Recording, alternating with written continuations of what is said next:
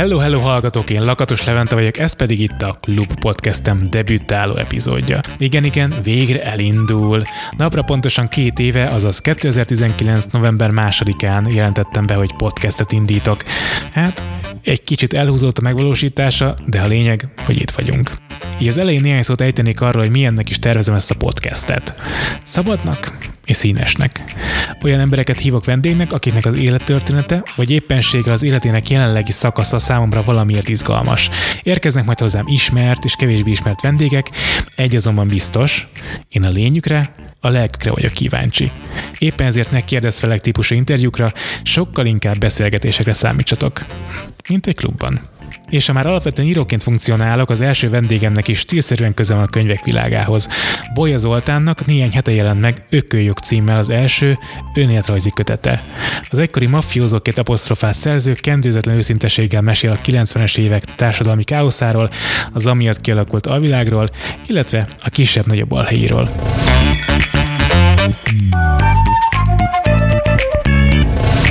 18 évesen, hogyha jól olvastam és jól informálódtam így a kis háttéranyagokból, akkor, akkor őrzővédőként dolgoztál egy, egy filmtelepen, és akkor ott az egyik idősebb kollégát beszélt arra rá, hogy, hogy csenjetek el ezt azt a filmtelep, és adjátok le a mélybe. Ugye így, kez, így keveredtél bele a, a bűnözés témakörébe. Igen, én egy teljesen egyszerű, normális családban nőttem fel. Abszolút semmiféle ilyen jellegű történetek nem voltak a családba, senki nem volt büntetve, elkerültem erre a munkahelyre dolgozni, és az egyik kolléga kitalálta, hogy vigyünk el egy kis rezet. Uh-huh. Most hát onnantól kezdve nem nagyon volt megállás, amikor valaki havonta 25 ezer forintért dolgozik, ami egyébként akkor egy nagyon jó fizetés volt, ez 89-ben volt, ebből meg lehetett élni, és utána, amikor elkezdesz napi szinten 30-40-50 ezreket keresni, utána azért nehéz megállni. Egyébként volt olyan nap, hogy 100-120 ezer forintot vittem haza. Az akkor kemény összeg volt. Hát most se rossz. Az mennyi mostani viszonylatban szerinted? Hát nem, nem tudok mostani viszonylatot párosítani hozzá. Mondjuk a, a, akkoriban ilyen egy millió körül egy panellakás lehetett venni. Aha. Aha. 60 ezer forintért vettem egy ladát, egy normális állapotú ladát. És mikor vették észre, észrevették egyáltalán a főnökök, hogy ez...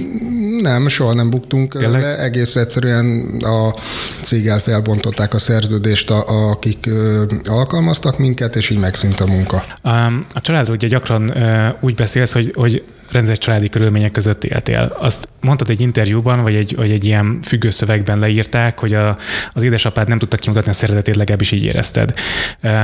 Szerinted ez mennyire befolyásolta a jövőképedet? Semennyire. Én azt gondolom, hogy semennyire. Hát azért a, az teljesen más világ volt, mint most. Úgyhogy hmm. még, még más, még ez az old school nevelés volt. Én azt gondolom, hogy pláne egy fiú gyereknek időnként nem árt, hogyha tudja, hogy merre van az egyenes. Te pimasz voltál, vagy mi volt veled a probléma? Hát is, is. Megmondom őszintén, nagyon utáltam az iskolát. Inkább jártam mellé, meg, megcsináltam azért így hülyeségeket. Egyébként nem voltam szörnyű rossz gyerek, tehát Aha. azért nem, nem ilyen intézetbe való Aha. gyerek voltam. A csajozás, az korán elkezdődött, nem? Hát hetedikes korom óta mindig van nőm. Nem, nem tudom, mennyire akarsz róla beszélni, de hogy a, a, az első gyermeked az elég korán érkezett, ugye, hogyha jól számoltam, Igen. akkor 18 éves voltál, vagy, vagy nagyon, nagyon fiatal voltál. Igen. A szerelem kérdése volt, vagy, vagy, vagy, vagy Hát nem vagyok annyira szerelmes típus szerencsére. Volt egy csajom, együtt éltünk már akkor két-három éve, aztán úgy, úgy lett a gyerek ez korai, szerel, korai kapcsolat hát volt igen, akkor, igen, akkor valójában. Öt évig tartott egyébként. És akkor megijedtél egyébként a felelősségtől, vagy, vagy ott mi történt veletek? Nem, nem. Én tökre örültem neki, hogy, hogy lett egy lányom. Annyira fiatalon is? Aha. Tényleg? Igen. Ez ritkaság egyébként, hogy valaki ennyire fiatalon vállal gyereket, hogy akkor az, az, az örömmel tölti vagy tudod, ilyen, ilyen, nem tudom, nem ijed meg, és nem fossa össze a bokáját attól, hogy ez történni fog. Nem, nem, nem volt olyan ijesztő. Oké, okay, 18 éves voltál ugye, amikor a, a réz lopási ügy elindult, és utána röviddel átnyergeltél ugye az autó feltöréses lopásra. Az hogyan történt, vagy mi, mi, mi volt annak a, a menete? Hát mikor megszűnt ez a lehetőség, hát akkor én már tudtam, hogy nem fogok ismét 20 ezer forintért dolgozni havonta. Aha. Megkerestem az egyik régi havert, hogy találjunk ki valami okosságot és hát összehozott egy új palotai autótól gyerekkel, ő már abban az időben nem tudom hány évet ült, folyamatban ügyek, meg mit tudom én, tehát elég zűrös arc volt, uh-huh. mert csak egy-két évvel volt idősebb nálam.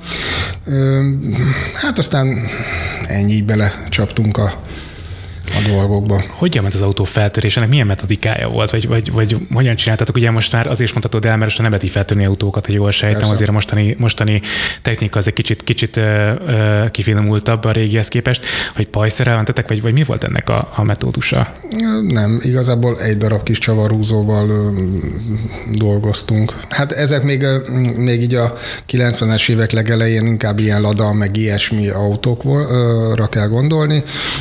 Gyakorlatilag gyakorlatilag egy kis csavarúzóval gyorsabban ki lehetett nyitni az ajtózárat, mint a saját kulcsával. Az kemény. Hát egyébként most nem vagyok rá büszke, 47 másodperc volt a nyitástól az indulásig. De...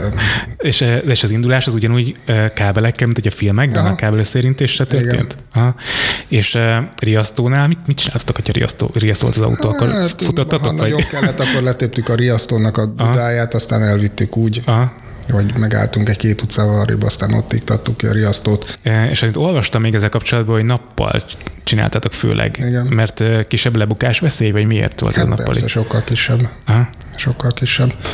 Hát délelőtt elmentünk haverommal edzeni, már akkor két autóval mentünk haza, utána délután elmentünk, hoztunk még egyet, aztán, hogyha korán végeztünk, akkor meg ilyen 7-8 óra körül lehet, hogy hoztunk egy harmadikat, de, de egyet általában szinte minden nap. Azt is mondtad, hogy, hogy több mint száz autó hát, meglovasítással kötődik hozzád. Nem volt soha lelkismert de miatt? Hát akkor nem.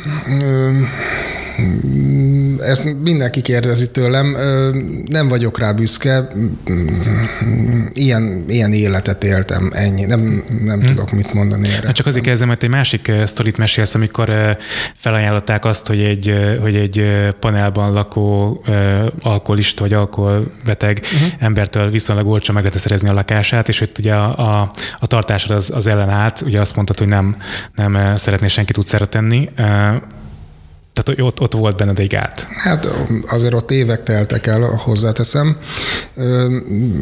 Kérdezte már más is ezt, hogy hogy, hogy lehet elve egy bűnözőnek. Lehet elve. Hmm. Tehát én természetesen most itt egy betörőnek vagy egy autótolvajnak nem ott, ott az az elv, hogy pénzt kell szerezni, ennyi. Azt gondolom, hogy egy bankrablónak se nagyon vannak elvei, de például később én, én folyamatosan gyúrtam, 90 után elkezdtem a testépítést építéssel foglalkozom, szteroidokat is használtam, szép nagy darabra kigyúrtam magam, és hát akkor úgy, úgy belementem az éjszakába, ott foglalkoztunk pénzbehajtással, meg, meg ilyesmivel, de például csak olyat vállaltam el, ami jogos és valós tartozás volt. Tehát így hülyeségre nem mozdultunk rá. Egyébként ez miatt nem is, vagy emiatt nem is volt egyébként eljárás ellenem soha. Mindig tudtam a határt, hogy meddig lehet elmenni. Mindig próbáltuk normálisan megoldani a, a dolgot, ameddig lehetett. Mondtad itt a, a test edzést, meg többször olvastam, hogy kicsit fostak tőle az emberek, mert hogy 130 kilóra gyújtad fel maga szintiszta izomban, meg, meg 56-os karod volt, azt hiszem, amit így, amit így olvastam, ami tehát szép nagy darab voltál, viszont ahogy én tapasztalom, nem annyira a nagyságtól félnek az emberek, hanem inkább a hozzá kapcsolódó habitustól, tehát hogy az ember mennyire könnyen borul el. És azt is olvastam róla, hogy mondták azt, hogy küldjetek az Olit, mert elég őrült ahhoz, hogy megcsináljon dolgokat.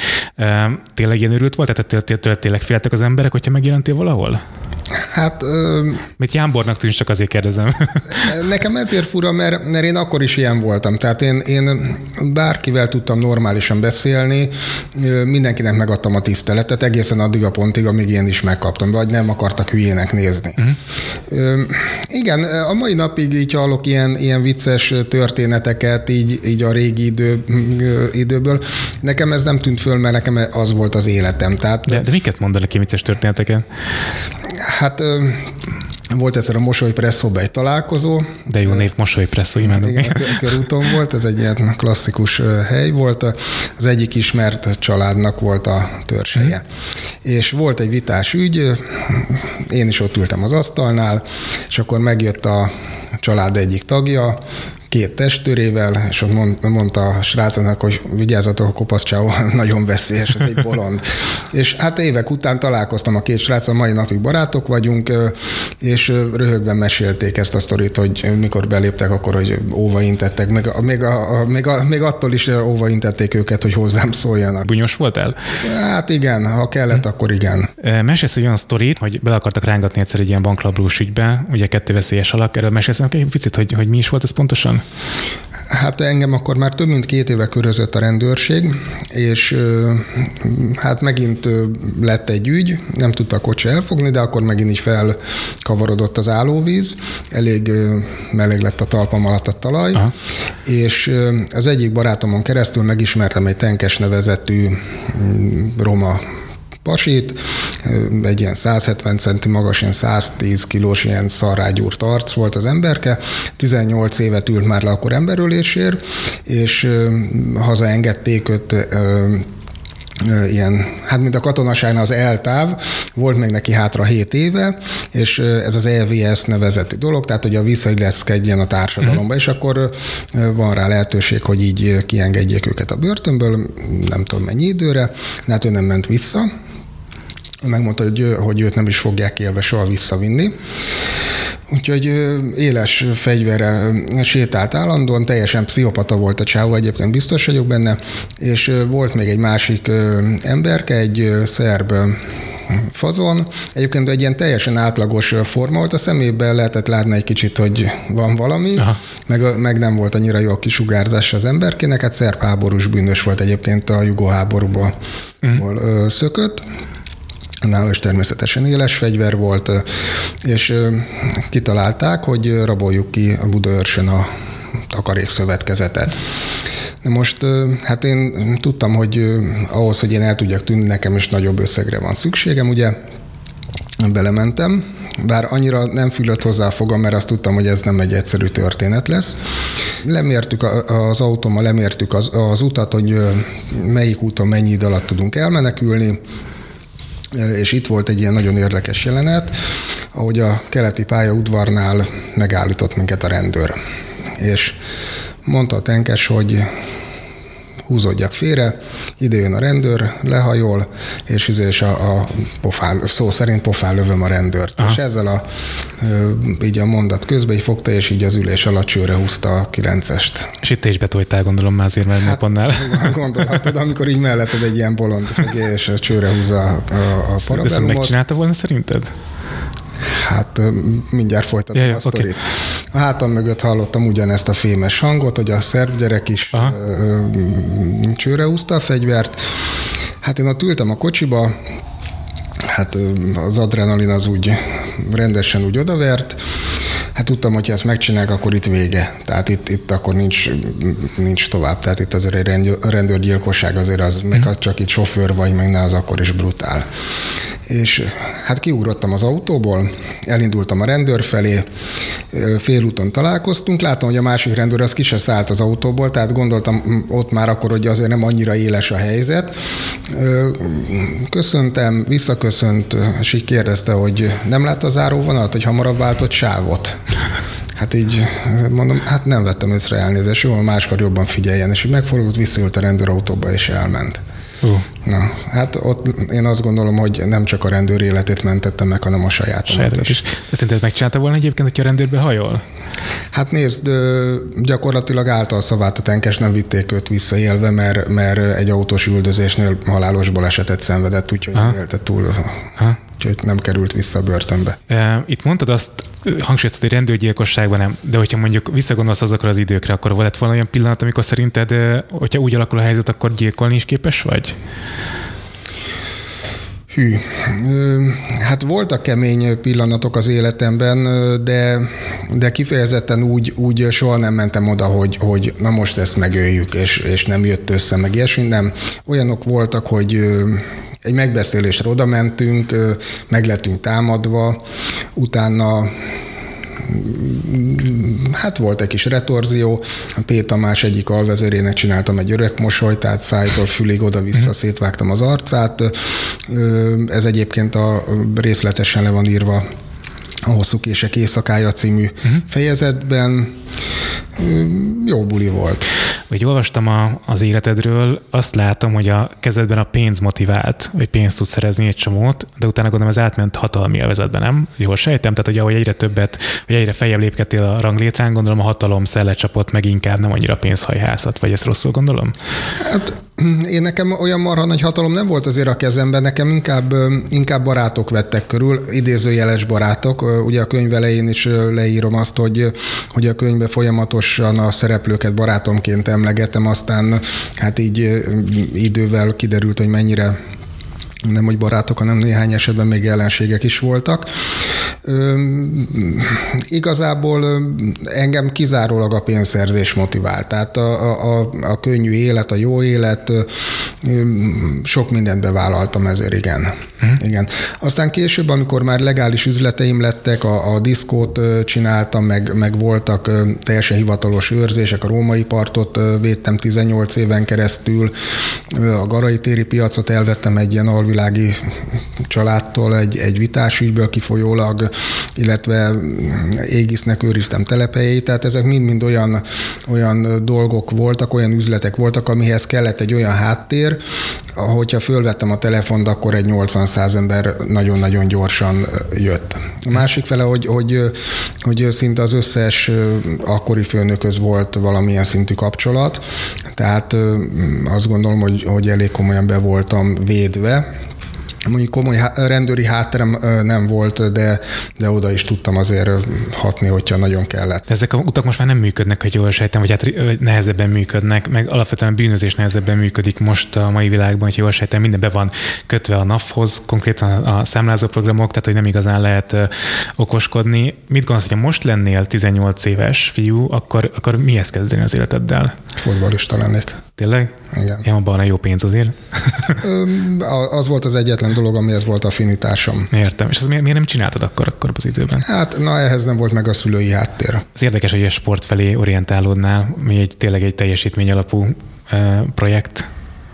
Még öt évvel ezelőtt még, még védtem nagypályán normálisan, csak hát most már 50 éves leszek ma holnap, tele sérülésekkel, sportsérülésekkel, nem Aha, olyan De, de hogy ilyen kigyúrt nagy, nagy, nagy pasikként is tudtál focizni, tehát uh-huh. akkor elég fürgő voltál ahhoz, hogy tudjál focizni. Igen. Hát naponta háromszor edzettem, úgyhogy abból egy ilyen testépítő edzés volt, meg mellette a kapus edzés, meg a csapattal edzettem még, úgyhogy ilyen napi 5 napot. Mondjuk ez legalább pozitív, mert csomó szteroidozó ember az lemegy a teremben, leedzi a negyedét annak, aki nem szteroidozik és úgy edz egyébként, és jó nagyra kigyúrja magát, aztán utána a kardió az semmi, tehát hogy az, az hát nulla. Nekem volt bőven. Ah, neked volt. Um, beszéljünk kicsit a nőkről, mert hogy a, a karriered végét is egy ö, nőnek köszönheted, idézőjelben mondva köszönheted. Uh, ha jól tudom, akkor ott egy volt barátnőd kapcsán volt valami kis probléma, azt elmeséled nekünk?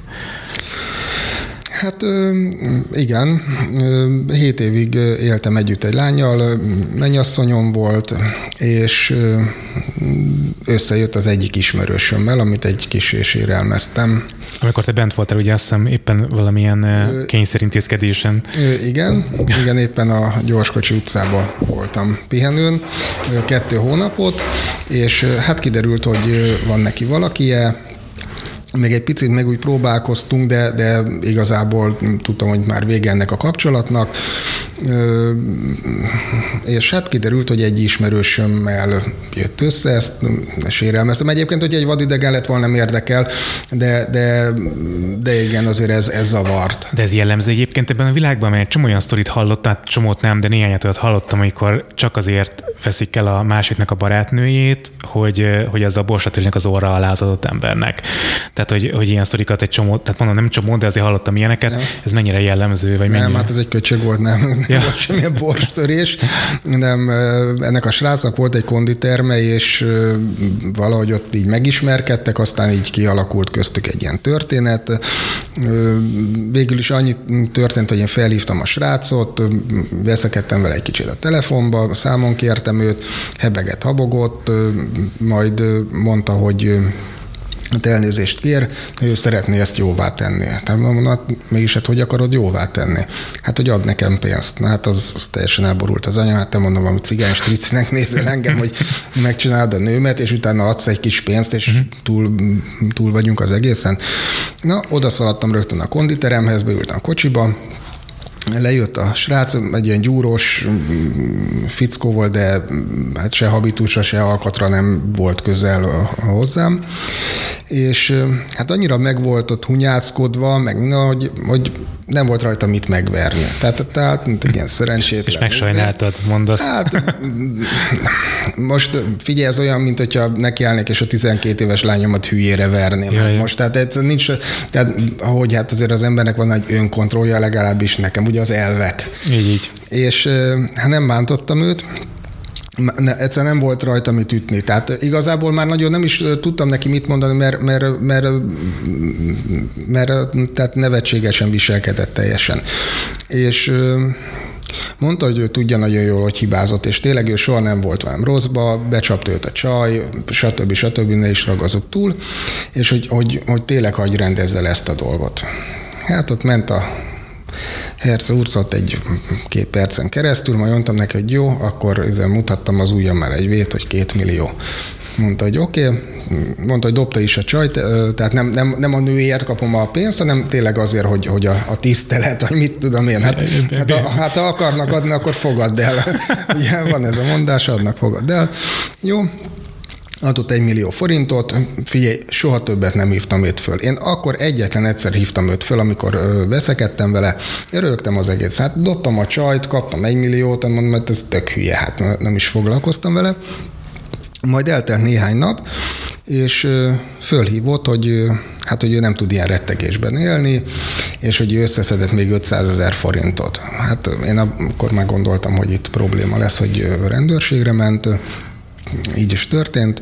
De mondtam neki a telefonban, hogy nem tudom, hogy miről beszél, tehát nem tartozik nekem, kinyomtam a telefon, tehát semmi bizonyíték nem volt a rendőrség kezébe.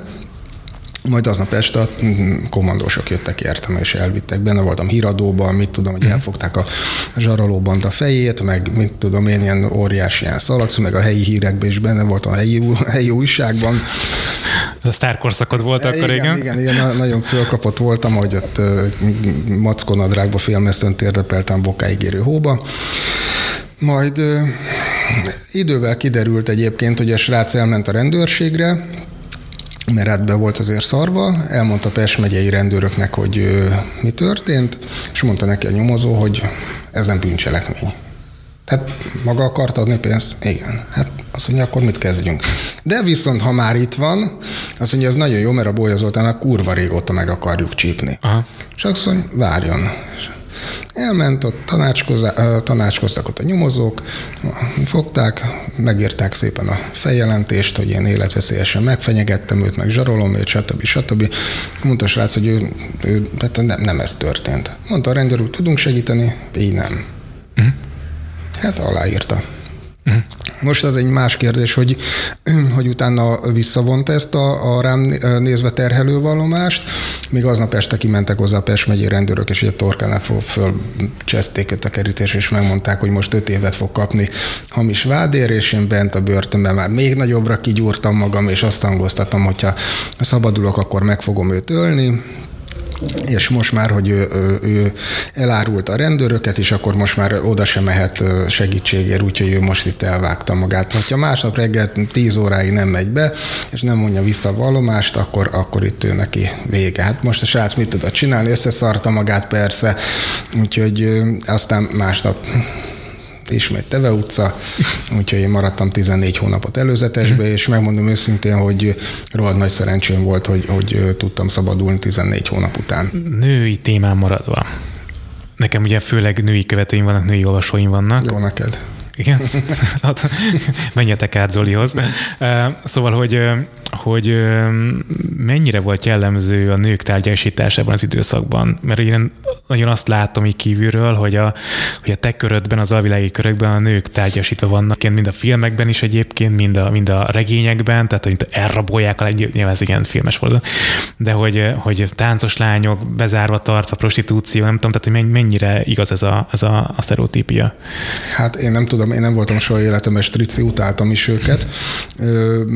Én nem találkoztam ilyennel. Nekem nagyon sok nőm volt, szerettek a nők szerencsére, de nem gondoltam sose rájuk úgy, mint tárgyra. Tehát én, én mindenkivel normális, ha akár még csak egy, egy alkalmas kapcsolat volt, akkor is normálisan hm. beszéltem vele, normális, normális voltam. Tehát akkor az a tisztelet, amit hangsúlyoz egy csomó helyen, meg ugye a beszélgetés elején is említetted a tiszteletet, azok a nők felé is meg volt benned. Igen, természetesen. Hm. Tehát én a mai napig egy nőt előre engedek, ajtót nyitok, tehát normális. Hát én meg ilyen régi nevelésű Ő csak azt nem mondta, hogy most a lányod, lányod menne el az éjszakába szór, szórakozni, vagy így ragadna olyan pasival össze, aki, aki hasonló életet él, mint amikor te éltél, akkor, akkor nem lépnél közbe, és nem, nem vágnál oda. Hát jó, hát én sem voltam, én sem voltam a lányok, a lányos apák kedvence típus, tehát én nem mondom. Nem, mindegyiknek mondtam, hogy soha ilyen gyúrós kopasz, hülye gyerekkel nem. Egyébként a, a nagylányom már férjhez ment, úgyhogy onnan már van unokám is, most már lassan egy hónapos. Teljesen rendezett körülmények között élnek. Úgyhogy, és Azt nem nagy darab gyúrós Szerencsére, nem? Szerencsére. Azt mondtad, hogy a, a könyv ugye úgy készült, hogy valójában lányodnak szerettél volna egy ilyen történetmesélést tartani. A ti viszonyotok az nem, nem jó, vagy nem, nem egy kiegyensúlyozott viszony? Hát nagyon kicsi volt még, hát ő ugye 90-ben született, és 92-ben mentünk szét az édesanyjával. És hát így ez az élet, amit én éltem, ugye erről szól a, a könyvnek a bevezetője, ez nem, nem arról szól, hogy, hogy felelősségteljes édesapja legyél egy kislánynak. Tehát amikor így, így velem is volt, vagy együtt voltunk, tehát, tehát nem, nem, nem tudsz azért egy olyan, olyan cuki apuka lenni, sajnos. Uh-huh. Úgyhogy és, és hát később aztán ugye a, a volt feleségemnek követ, köszönhetően mert meg is romlott eléggé a viszony, nem nagyon bírta elviselni a lányomat, és ö, végül is így, így tényleg eltávolodtunk egymástól, úgyhogy sok évvel később ö, lettünk megint így jóba. Volt egy diszkód, Ciklon volt a neve, a név ez tőle származik egyébként, vagy megörökölted? Nem, nem, ez, ja. már ez volt a neve. Jézusom, Ciklon. Milyen élményed vannak a diszkós korszakból? Jó, jók az élmények, vagy pedig azért így szívesebben elfelejtenéd azt az őrületet, ami ott volt? Nem, nekem a legjobb időszakom volt, voltak ezek az évek, nagyon szerettem.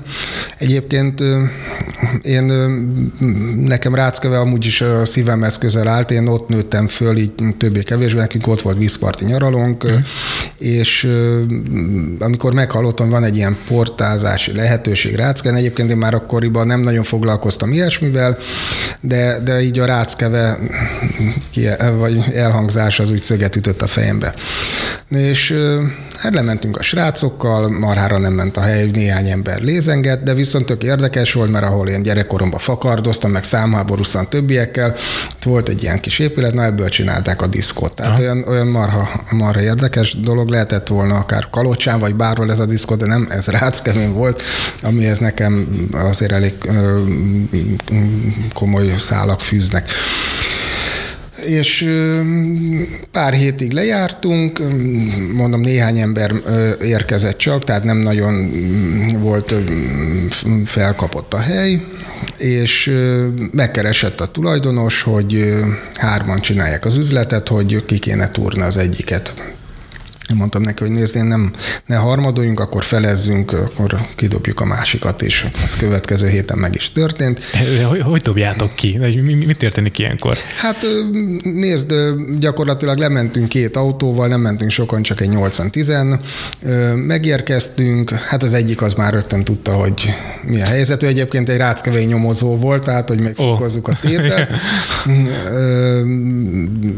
A másik egy ilyen privátabb emberke, behívtam őket az irodába, mondtam, hogy ez van, Zolinak hívták a másik tulajdonost is, ő nevén volt egyébként minden. Elmondtam, hogy így döntött, benne vagyok az üzletben, és viszontlátásra. Úgyhogy ennyi. Hát ott mindegy, az elment, utána jött a rendőr, az már mondta, hogy ne is mondjak semmit, ő már akkor, amikor bekanyarodtunk két autóval, tudta, hogy miről van szó. Egyébként én azt gondolom, hogy, hogy az én részemről ez is egy korrekt dolog volt. Megkérdeztem, hogy mennyi pénzzel vannak az üzletbe, és én ki is fizettem mind a kettőjüknek uh-huh. ezt a pénzt egyedül. Nem a felét, pedig hát elméletileg a felét kellett volna fizetni, mind a kettőnek. Egyébként pár százezer forintról beszélünk, tehát még csak nem is kell óriási összegekre gondolni. És milyen a véletlen, még aznap este a romák a másik diszkóban csináltak egy rohadt nagy balhét.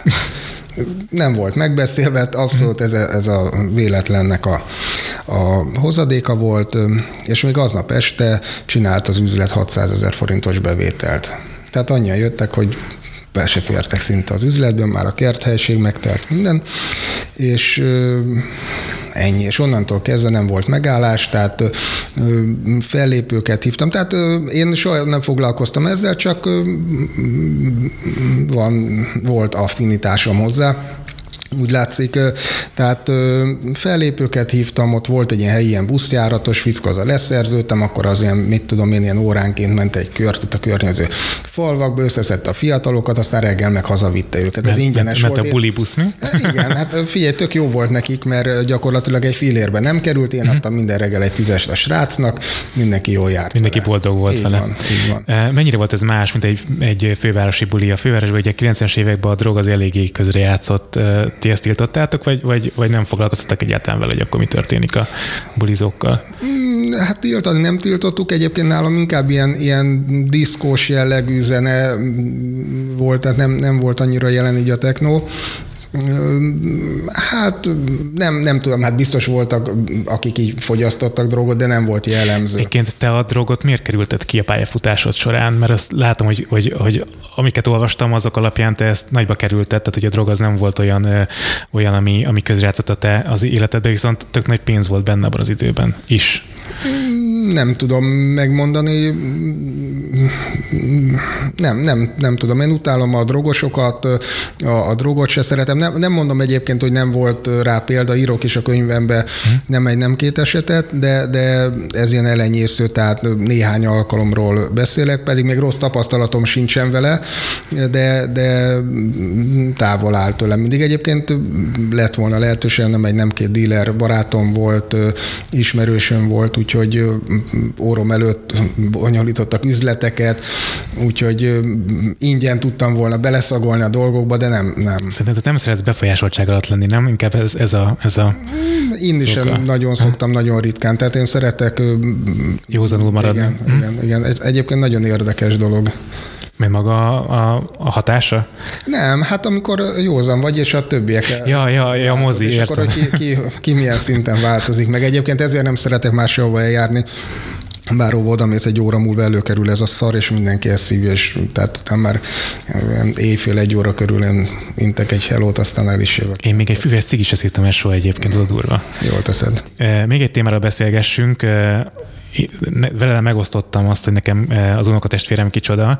A hallgatók azt nem nagyon tudhatják, mert nem nagyon beszéltem még erről, hogy nekem Emri e, Hard a, a, az unokatestvérem, és írsz róla egy sztorit a, a könyvben. Mm, ezt elmeséled nekünk, hogyha megkérlek?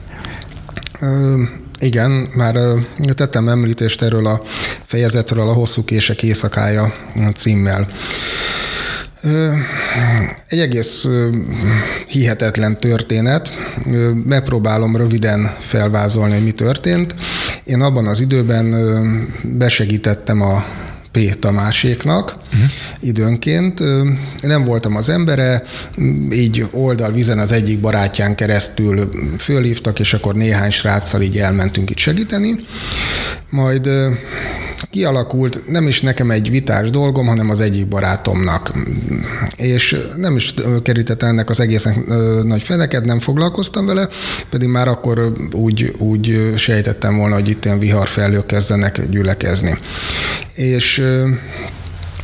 pont a Ricsivel, illetve a P. Tamás egyik ö, alvezérével voltunk előző nap egy, egy autókereskedésnél. Itt valamiért be, bele támadva az autókereskedő. Nem ja. tudom, hogy mi, ö, miről volt szó, mert nem is érdekelt.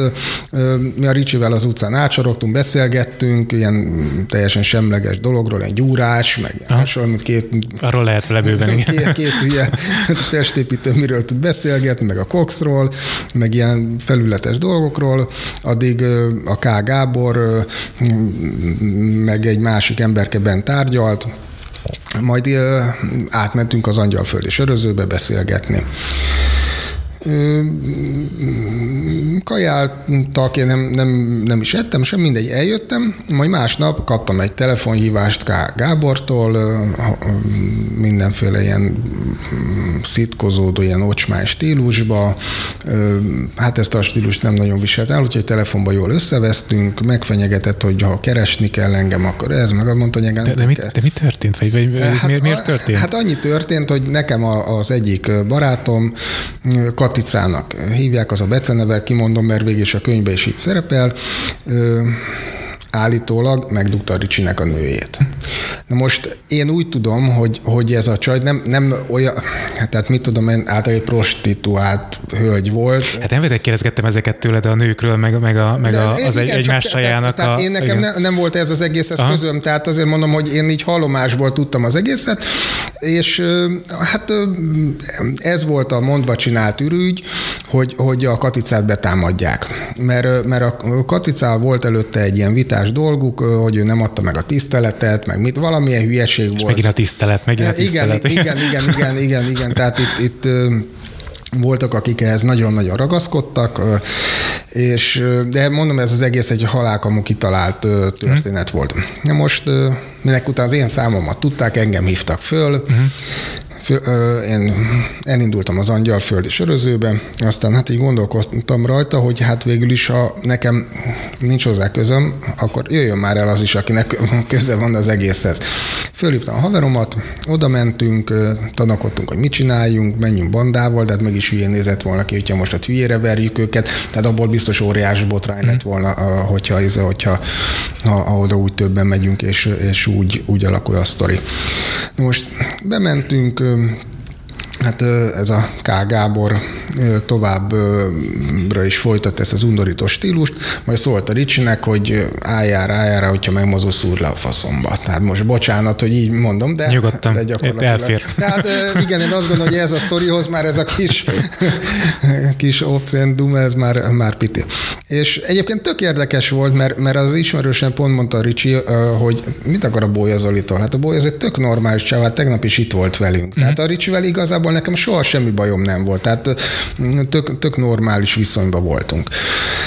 És a Ricsi kivett egy kést, és állt egy késsel a kezébe. Majd hát kialakult egy dulakodás, haverom meg akart őt ütni, csak hát ez a nagy marha, már nem a Ricsi, hanem a haverom, hmm. átesett egy bárszéken, és olyan szerencsétlenül esett, hogy pont beleesett a Ricsinek a kétsébe. És ezt nem mondott komolyan, hogy ez így tényleg? Esküszöm, hogy ez így történt, de olyan szerencsétlenül, hogy a Ricsi kezébe levő kés, hát ugye az a nagy testőr ráesett, hát az átszúrta a tüdejét neki hmm. gyakorlatilag. Hmm. Volt ott még egy másik srác, állítólag a Ricsinek az unokatestvére, de nem, nem, nem, én, nem, nem én voltam. Nem te voltál? Azért aggódtam, amikor megérkeztél, hogy hogy ki fog itt fogadni. Engem érdekel. És még egy párszor kicsit úgy megbökte, ő is a, a Katicán nem nagyon, csak egy ilyen felület, ilyen lófasz, és én addig a K. Gáborral összeugrattam, de az annyira gyáva volt, hogy, hogy egyszerűen nem mert nekem jönni. Hát ugye hmm. mondta, hogy nagy marra voltam, kigyúrva, minden, hát én is kicsaptam viperát, a kést, fölkapott egy széket, és akkor ott ment ott a hajcihő. Behátráltunk a pultba, én vétem a, a, a katicát a, a testemmel, ott ugye nálam kés vipera, a srácból ömlött a vér, én egy ilyen fekete Avirex jackibe voltam, aminek fehér az ujja, tiszta vér voltam. Az epiros lett, igen. Hát igen, ilyen habos, ilyen undi vére mindenhol. És mondja ez a Ricsinek az állítólagos unokatesi, hogy így félhangos, hogy menj már arra, téged nem bántunk. Aha. Hát mondom, bázom meg, hát mondom, együtt vagyunk, hát most együtt jövünk, együtt megyünk, hát olyan nincs, hogy téged nem bántunk. Uh-huh. És ebben a pillanatban kivágodott az ajtó, és két rendőr lépett be. Hát megmondom, hogy nem életemben először örültem rendőröknek.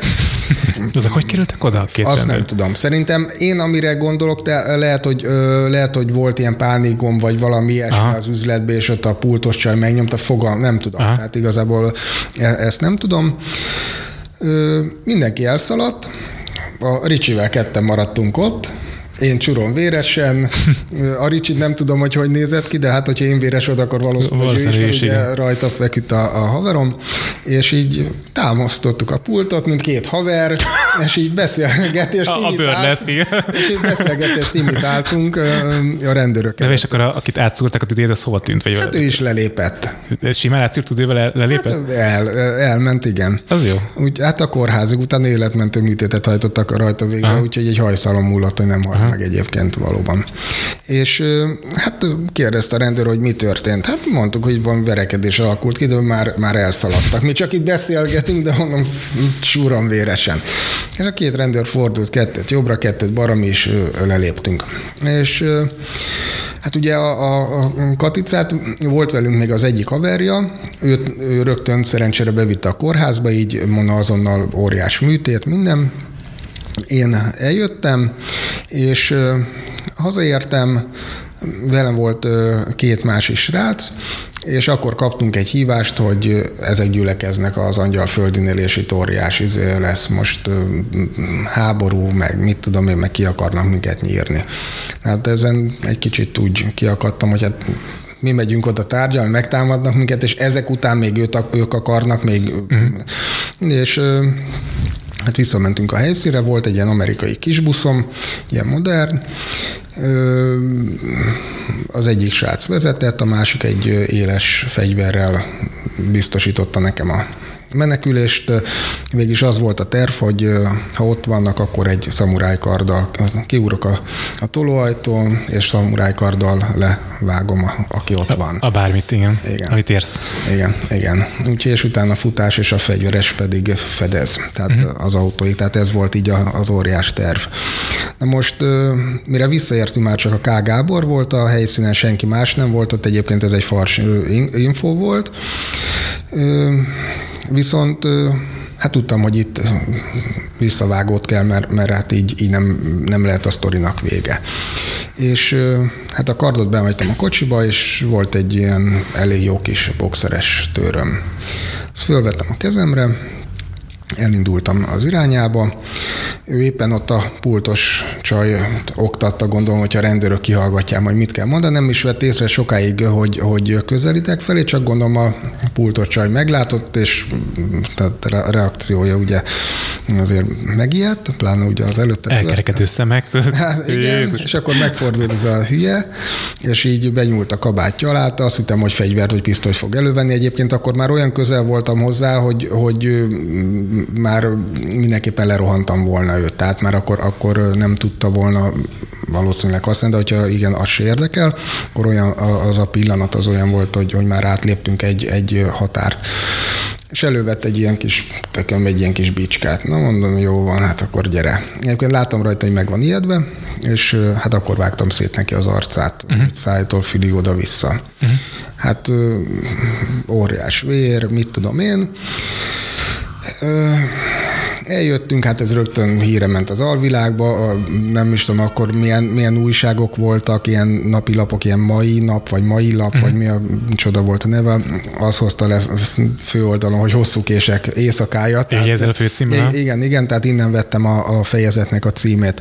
Úgyhogy leírták részletesen a sztorit, de például egy ilyen húzás, amit megcsináltál, ez a te renomédon emelte, tehát hogy téged előrébb léptetett mondjuk egy ranglétrán, vagy rád jobban felnéztek, vagy jobban tiszteltek, vagy hát volt nézd, ennek valamiféle lecsapódása? Nézd, ez a K. Gáborról azt kell tudni, hogy előzetesben fél éve emberölésért. Tehát ő a P. Tamásnak az egyik végrehajtó embere volt. Uh-huh. Tehát ő, ő, ő egy olyan arc volt, hogy hogy azért nem nagyon szere, szívesen húztak vele újat. Tehát én konkrét van rá bizonyíték, meg mit tudom én, hogy a saját barátját lelövöldözte. Tehát akivel uh-huh. ők mhm. együtt voltak, meg mit tudom én, volt egy vitás dolog, és lefogták és lelőtték, mint a szart. Tehát ez egy ilyen ember volt. Tehát most itt volt egy másik fórumon egy beszélgetés, hogy, hogy de hát, hogy hogy lehet ilyet csinálni, amit én tettem. Most nézd, én azt gondolom, hogy amikor a Mike Tyson mondjuk hülyére verik a ringbe, akkor mindenki mondja, hogy hú, ez de jó bunyó volt. Most amikor a Marika néni arcon válják a piacon, ugye, na mi Mike Tysonok uh-huh. voltunk most túlzással a, a ringben. Tehát aki, aki ezt az életet élte, engem is szurkáltak meg, tehát én is volt, hogy úgy megszúrtak, hogy gyakorlatilag csak azért tudunk most beszélgetni, mert a bordán megfogta a kést. Uh-huh. Úgyhogy a mai napig me- megvan a, a nyoma, hat helyen szúrtak meg, nem lett belőle még rendőrségi ügy se. Uh-huh. Úgyhogy annyit mondott a nyomozó, hogy egy kérés, hogy a kerületbe legyen a retorzió. Úgyhogy tehát ennyi. De rendőrök ennyire, ennyire könnyedén vették ezt? Tehát úgy értem, hogy könnyedén nem, nem tettek semmit, hogy... Hát nézd... Tehát az is azért nevetséges, hogy ott, ott állsz tiszta véresen, és akkor a rendőrök kifordulnak, vagy elmennek onnan. Két, két ilyen fiatal 20 éves rendőr volt, tehát a Ricsi is volt, hogy 130 ja. kiló, én is, hát összeszarták magukat. Tehát gondolhatod, ilyen két kezdő, ilyen vidékről fölrendelt valami nyír, nyírségi, valami parasz gyerek belecsöppen ebbe az éjszakába 90-es években, hát mik volt, mindenhol rombandogattak, lövöldöztek, meg minden gondolatod, amikor ő szembesül egy ilyen ilyennel azért, azért ott, ott nehéz higgadtan cselekedni. És visszatérve még erre az ügyre, Engem másnap hívtak az életvédelmi is nyomozók. Hát ugye a Katica féle ügyből, hát ugye ott, ott az orvosok hivatalból feljelentést tettek. Én bementem hozzá a kórházba, hogy mit mondott. Hát egy ilyen nagy, bizébb, ilyen nem, nem műtőbe volt gyakorlatilag, hanem ilyen elkülönítő, ilyen, ilyen intenzív osztály, de még abból se az egyszerűbb fajta. Ilyen csomó cső lógott ki belőle, meg oxigén, meg mit tudom én, nem is nagyon volt magán, és kérdeztem, hogy ő mit mondott. És mondta, hogy ő beterhelt mindenkit, hogy menjenek a francba, az, hogy majdnem megölték őt, és menjenek a börtönbe, rohadjanak meg ott. Hát mondom, ez tök jó. Te ezt mondtad, én meg utána még megcsináltam ezt a vagdalkozós Aha. sztorit. Tehát de most hát nekem ugye másnap reggel jelenésem volt a Teve utcában, Bementem, hát ott a nyomozónak ott, hát hatováltam mindent úgy össze-vissza, a gépelt a faszi, úgy bólogatod, néha ingatta a fejét, mert nem nagyon hiszi, mert hát ugye nem akartam a saricséket senki beterhelni. Én azt gondoltam, hogy ezt... ezt Tehát volt egy mesét, amit kitaláltál. Hát igen, csak hát nem nagyon ült a sztori. Na mindegy, ez, ez három verziót fölvett a fickó, eltelt vagy három óra legalább, Fölállt, kiment, és visszajött a doszpottal. Ugye akkor ő volt az életvédelmi osztály vezető, Doszpot Péter, és mondta, hogy menjek át az irodájába. Ez is a nyolcadik emeleten volt fönn, egy ilyen, mit tudom én, 40 négyzetméteres iroda, egy ilyen rohadt nagy faasztal, egy ilyen tölgyasztal, mit tudom én, valami faragott valami ízé, budai kilátás, fogta, ledobott négy darab fényképet az asztalára, K. Gábor, Emricsi, uh-huh. és a többiek, akik ott voltak. És ilyen? a másik két emberke. Mondta, hogy nem mondjál semmit, ők voltak. Hát akkor meg kicsit szívogattam a fogamat, hogy, és elmondta az egész sztorit, ahogy volt. Uh-huh. És annyit mondott, hogy gondoljam meg, hogy mit szeretnék. Mondta, hogy ha nem működök együtt velük, akkor az minimum egy év előzetes, tehát mondta, hogy egy csoportos garázaság, ahol valaki meghal, majdnem, tehát az, az elég, elég ok az én múltammal arra, hogy, hogy egy év előzetesen bent üljek, és így mert hogy nem lesz az az ügyvéd megbíró, aki engem szabadlábra helyez vagy helyeztet, mert ő fogja a hosszabbításokat aláírni. Uh-huh. Tehát, hogy gondoljam át. És tudod, amikor ilyen helyzetben van az ember, akkor lehetsz csibész, meg, meg lehetsz kemény gyerek, csak akkor úgy mérlegelsz, hogy végig a barátodat majdnem halára szúrták, gyakorlatilag te menjél börtönbe olyan emberek helyett, akik végül is elárultak, mert végül is mi normálisan megbeszélni mentünk oda, tehát itt nem az volt, hogy mi oda mentünk 20 és akkor történt valami, hanem mi ketten oda mentünk a sráccal megbeszélni a dolgot. Én azt gondolom, hogy meg is lehetett volna beszélni, csak ők nem akarták megbeszélni ezt a dolgot, tehát ez kifejezetten erre ment uh-huh. ki, hogy, hogy ők megmutassák, hogy egész pontosan nem ők, hanem ez a K. Gábor, aki ugye a, a, a P úrnak volt ugye a, a, az embere, majd Hát nagyon nem volt választási lehetőségem, elmondtam a vallomásomat. Úgy, amivel beterheltem ugye a, a Ricsit, beterheltem ugye a K. Gábort, egyébként őt nem is fogták elő a kórházba, hogy ellátták a sérülését, ő meg is szökött onnan. Uh-huh. Egyébként a doszpot érdekes volt, az csak annyit mondott, hogy nincsen belőle eljárás, de azért nézek a hátam mögé, mert ezek után meg főleg mi? Hát igen, hát igen mert tudta, hogy, hogy milyen ember ő. Egyébként mindenki utálta, tehát a saját emberei gyűlölték a, a, mhm. a, a K. Gábor, tehát még erre is kitérek egy gondolat erejéig. És eltelt körülbelül kettő hét, éppen a mennyasszonyommal és az egyik barátommal mentem a Forszél étterembe kajálni. És a másik asztalnál ült egy ilyen 5-6 fős társaság, és volt köztük egy ö, régi ismerősöm, régi barátom, ki úgy megörült, hogy találkoztunk. És mondja, jaj, de jó, hogy találkoztunk, azt mondja, gyere, beszélünk el, nagyon fontos. És mondja, hogy a P. Tamás kiadta az utasítást, és így mutatott egy ilyen pisztolyt imitáló uh-huh. lövő mozdulatot, hogy gyakorlatilag öljenek meg engem nem, hát én ugye arra gondoltam, hogy hát ugye az alvezérének ugye, tehát a K. Gábort, hogy megcsináltam, hogy emiatt van ez. Tehát mondta, hogy, hogy bosszúból arra Igen, voltam. mondta, hogy nem, mondta, hogy a, a, senkit nem érdekel az a sztori, hogy egy szemétláda volt és megérdemelte, úgyhogy tehát még a saját főnöke is ezen a véleményen volt, hanem amiatt, mert a Ricsi még mindig előzetesben van, pedig a Tamás küldött nekünk 2 millió forintot, hogy beszéljünk úgy a rendőrségen, ahogy kell.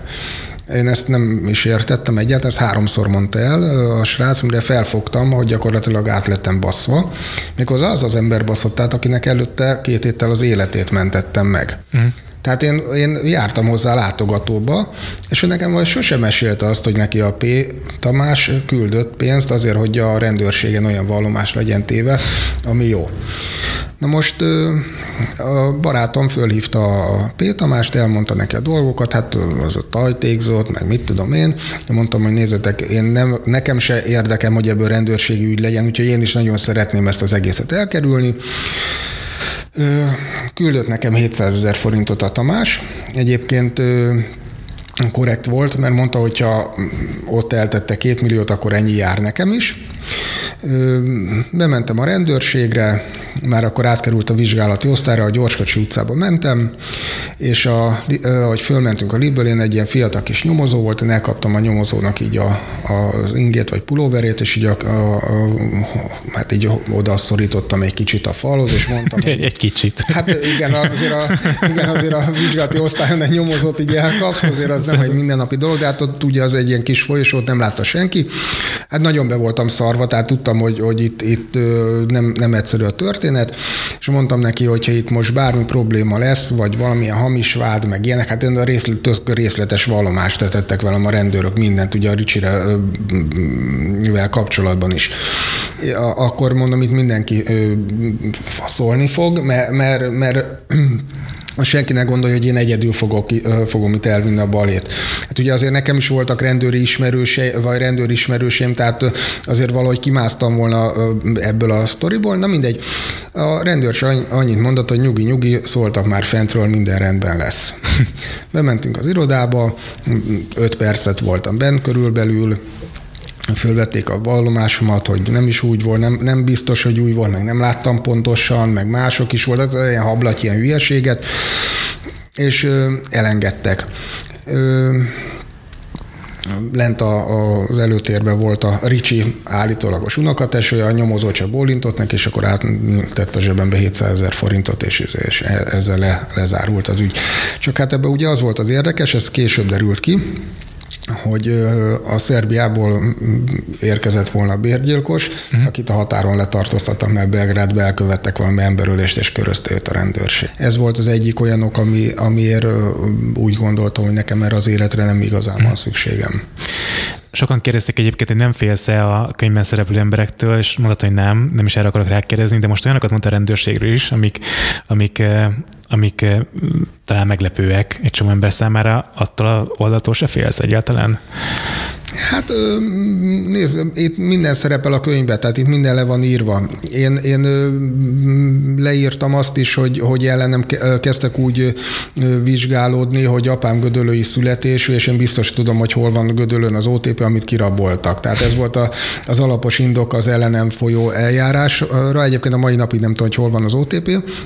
Majd az adatgyűjtés folyamán a egyik is haveromat valamelyik tanú felismerni vélte, hogy lehet, hogy ő volt a sofőr. Két hónapot, három hónap, bocsánat, három hónapot ült előzetesbe a kisrác, tök ártatlanul, úgyhogy már a második hónap elfogták a valódi elkövetőket, de akkor se helyezték őt szabadlábra, úgyhogy leültették vele az utolsó nap, napig az előzetesét. Hmm. Úgyhogy, de volt egyéb dolog is, amikor a rendőrök gyártottak bizonyítékot, mert, mert nem találtak, akkor, akkor csináltak. Sajnos ez volt. Nem tudom, hogy most mi van. 2003 óta tiszta vagyok, úgyhogy nem, nincsenek ellenem ügyek. És ez így is van jól. A könyv nagyon vastag, ahogy látom, elég sok sztori van benne, úgyhogy mindenképpen, aki érdeklődik ez iránt, az élet iránt, meg ez iránt az időszak után, az mindenképpen szerezze be magának. És hát mit kívánjak neked így a, a beszélgetés végén? Nyugodt életet, vagy, vagy mi legyen? Hát ettől nyugodtabb életem lenne, akkor már nem tudom. akkor, akkor, akkor már az EKG Most van. már úgy tartanak szám, hogy Bolya Zoltán háztartásbeli.